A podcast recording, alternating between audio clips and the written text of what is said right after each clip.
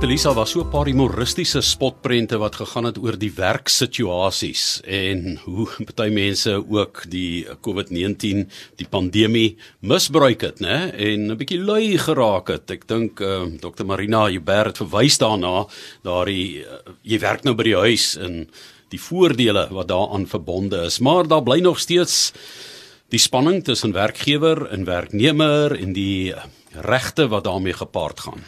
Ja, ons het vroeër hierdie week gesels juis oor hierdie onderwerp, maar dit is so breedvoerig dat ons kon nie die laaste baie belangrike punte met daar voltooi nie.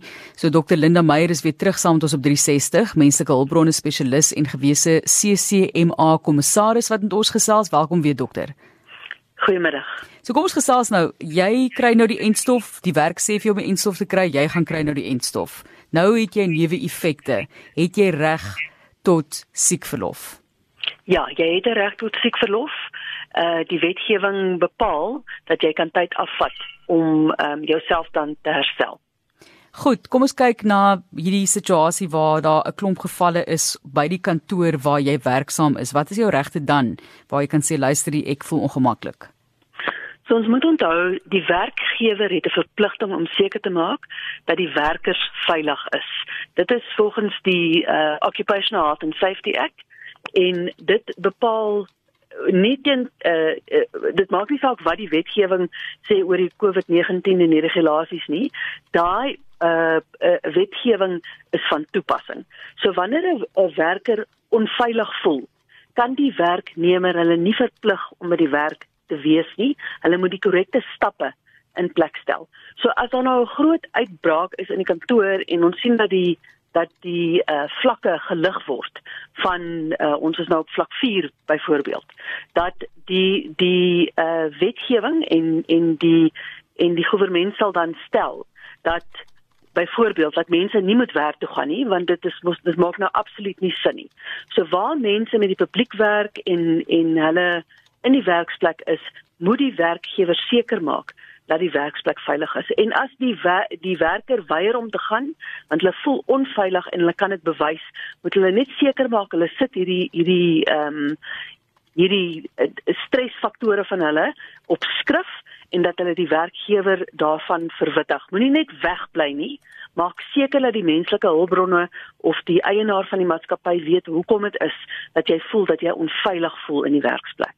Goed, so mense mag nou van en na Gauteng toe reis vir werk vir geen ander rede nie. Iemand sê natuurlik toe nou die dag, maar hoe gaan hulle seker maak dat jy reis vir werk as jy besluit om dit vir persoonlike redes te doen, maar dit nou daar gelaat so jou werk sê nou vir jou luisterie, jy moet reis vir werk en jy moet vergaderings gaan bywoon.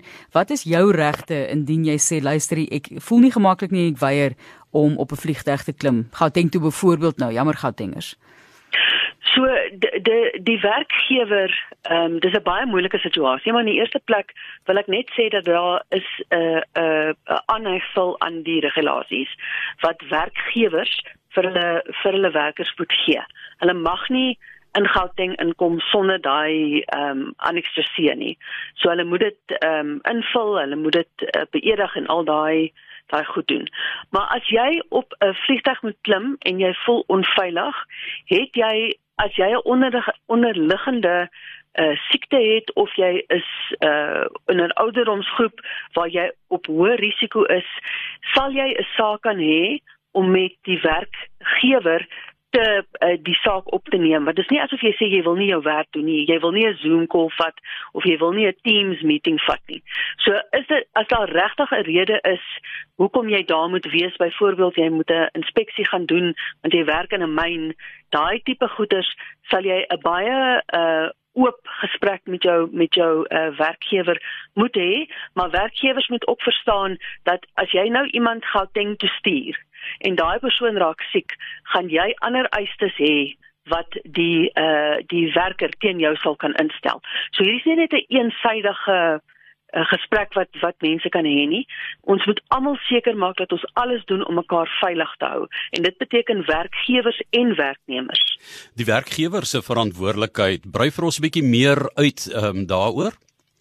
So die werkgewer moet seker maak soos ons soos ons gesê het volgens die wetgewing dat die werker veilig is. So dat die daar skerms op is dat die dat die uh hand sanitizers byvoorbeeld beskikbaar is dat die mense uh, 1.5 tot 2 meter uitmekaar uit staan al hierdie tipe maatreëls moet in plek gestel word maar ook dat hulle waar mense hoë risiko is dat hulle addisionele stappe um, in in plek stel. So waar mense nie direk met uh, die publiek as hulle onderliggende siekte het dat daai nie die persone is wat ons op die op die die front lines van die werk sit om met mense uh, interaksie te hê nie. En die verantwoordelikheid van die werkgewer um, om die nodige kennis te deel met die werknemers oor byvoorbeeld iets soos die vaksines die inenting So dit dit is baie belangrik. So dankie dat jy daai uh, uitgelig het. So die werkgewer het 'n verpligting om seker te maak dat die dat die werkers verstaan wat die inenting behels, wat 'n neeweffekte daar mag wees en al hierdie kommunikasie en inligting moet aan hulle beskikbaar gemaak word. Die werkgewer is ook verplig as hulle volgens die die die pole die ons het gepraat van die beleid in plek moet stel volgens die die uh regulasies wat nou uh, gekom het en ons moet verstaan dat die werkgewer moet seker maak dat die die die vervoer vir die werkers gee sodat hulle die inending kan doen as die beleid nou sê hulle moet dit doen. So die beleid sê nie dat daar 'n beleid moet wees nie, maar dit sê dat die werkgewer moet 'n beleid hê as hulle mense gaan verplig om die inenting te kry. En as hulle daai beleid dan het, moet hulle dit operasionaliseer. Hulle moet help die werkers help om te registreer op die stelsel. Hulle moet seker maak hulle gaan na die plekke toe as die werk die werkers siek raak, moet hulle mense tyd afgee. Hulle moet 'n goeie opleidingsprogram hê sodat almal kan verstaan nie net wat die wat die uh, simptome is nie, maar wat die neeweffekte is om die inenting te kry. Ons gesels met menslike hulpbronne spesialis in gewese CCMA kommissaris Dr Linda Meyer. Ehm um, kontrakte sou as gevolg van die pandemie kontrakte aangevul moet word, daardie sogenaamde aanhangsels of annexures of um, selfs nuwe kontrakte om nou die werkgewer wat sê byvoorbeeld van die huis af werk um ook te kan ek bedoel moniteer op 'n manier want jy kan mos nou sien as iemand 8 uur by die werk instap. Jy moet 8 uur daar wees en half 5 of 5 uur uitstap. Dit is 'n maklike manier maar eh, het dit gebeur dat daar aanvullende kontrakte was of behoort daar te wees Absoluut. So ons sê daar moet beleid, die beleid in die maatskappye moet nou aangevul word. Want as jy na jou diens uh kontrak kyk, sal daar spesifiek sê waar jy werk, met die adres en wat die tye is van die die die, die basiese diensvoorwaardes die wetgewing daarop vereis dit. So waar jy nou hierdie nuwe uh proses het waar mense werk van die huis af, waar mense nou uh die ure verander daai tipe monitoring uh, sisteme wat mense nou het want hulle kan sien wanneer jy inskakel op jou e-pos, hulle kan sien wanneer jy jou rekenaar aanstel. En ek het nou 'n paar grappies al gesien waar mense 'n uh, eh, 'n uh, uh, uh, baie innovative maniere het sodat hulle rekenaar elke nou en dan net aangevat word. Uh sodat daai algoritme dan optel dat hulle werk gedurende die dag. Maar al daai prosesse moet nou in beleid aangestel word en vir werkgewers moet hulle seker maak dat die nuwe kontrakte wat hulle ingaan met met hulle werkers al hierdie nuwe prosedure van van die huis af werk uh die ure wat verwag moet word die die die hoe dit sal ehm um, bestuur word al hierdie goede moet nou aangevul word in die kontrakte.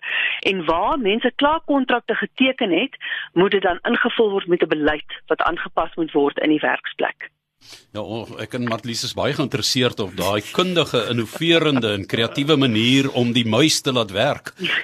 ek sien baie mense vat 'n 'n fan en hulle vat hulle muis en maak 'n stukkie uh, draad daarin vas.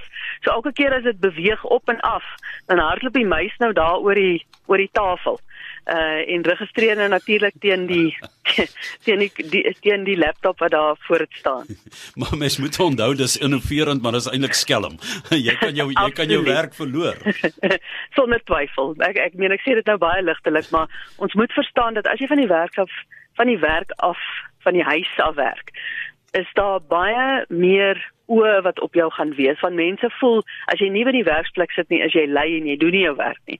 En dis regtig nie die waarheid nie, maar dit is hierdie uh ou tydse uh, bestuurskennis wat ons wat ons het. As jy nie iemand kan sien nie en jy weet nie wat hulle doen nie, doen hulle niks. So ons moet net seker maak dat ons vir die mense wat vir ons werk, vir ons werkgewer, vir die werkers sê wat van hulle verwag word, wat ons gaan kyk wat dit is wat hulle doen en baie duidelik daai uitkomste wat ons uit hulle wil hê met hulle bespreek. Ja, dat 'n mens uh, nou nie vir halfprys later werk by die huis nie, né? Absoluut.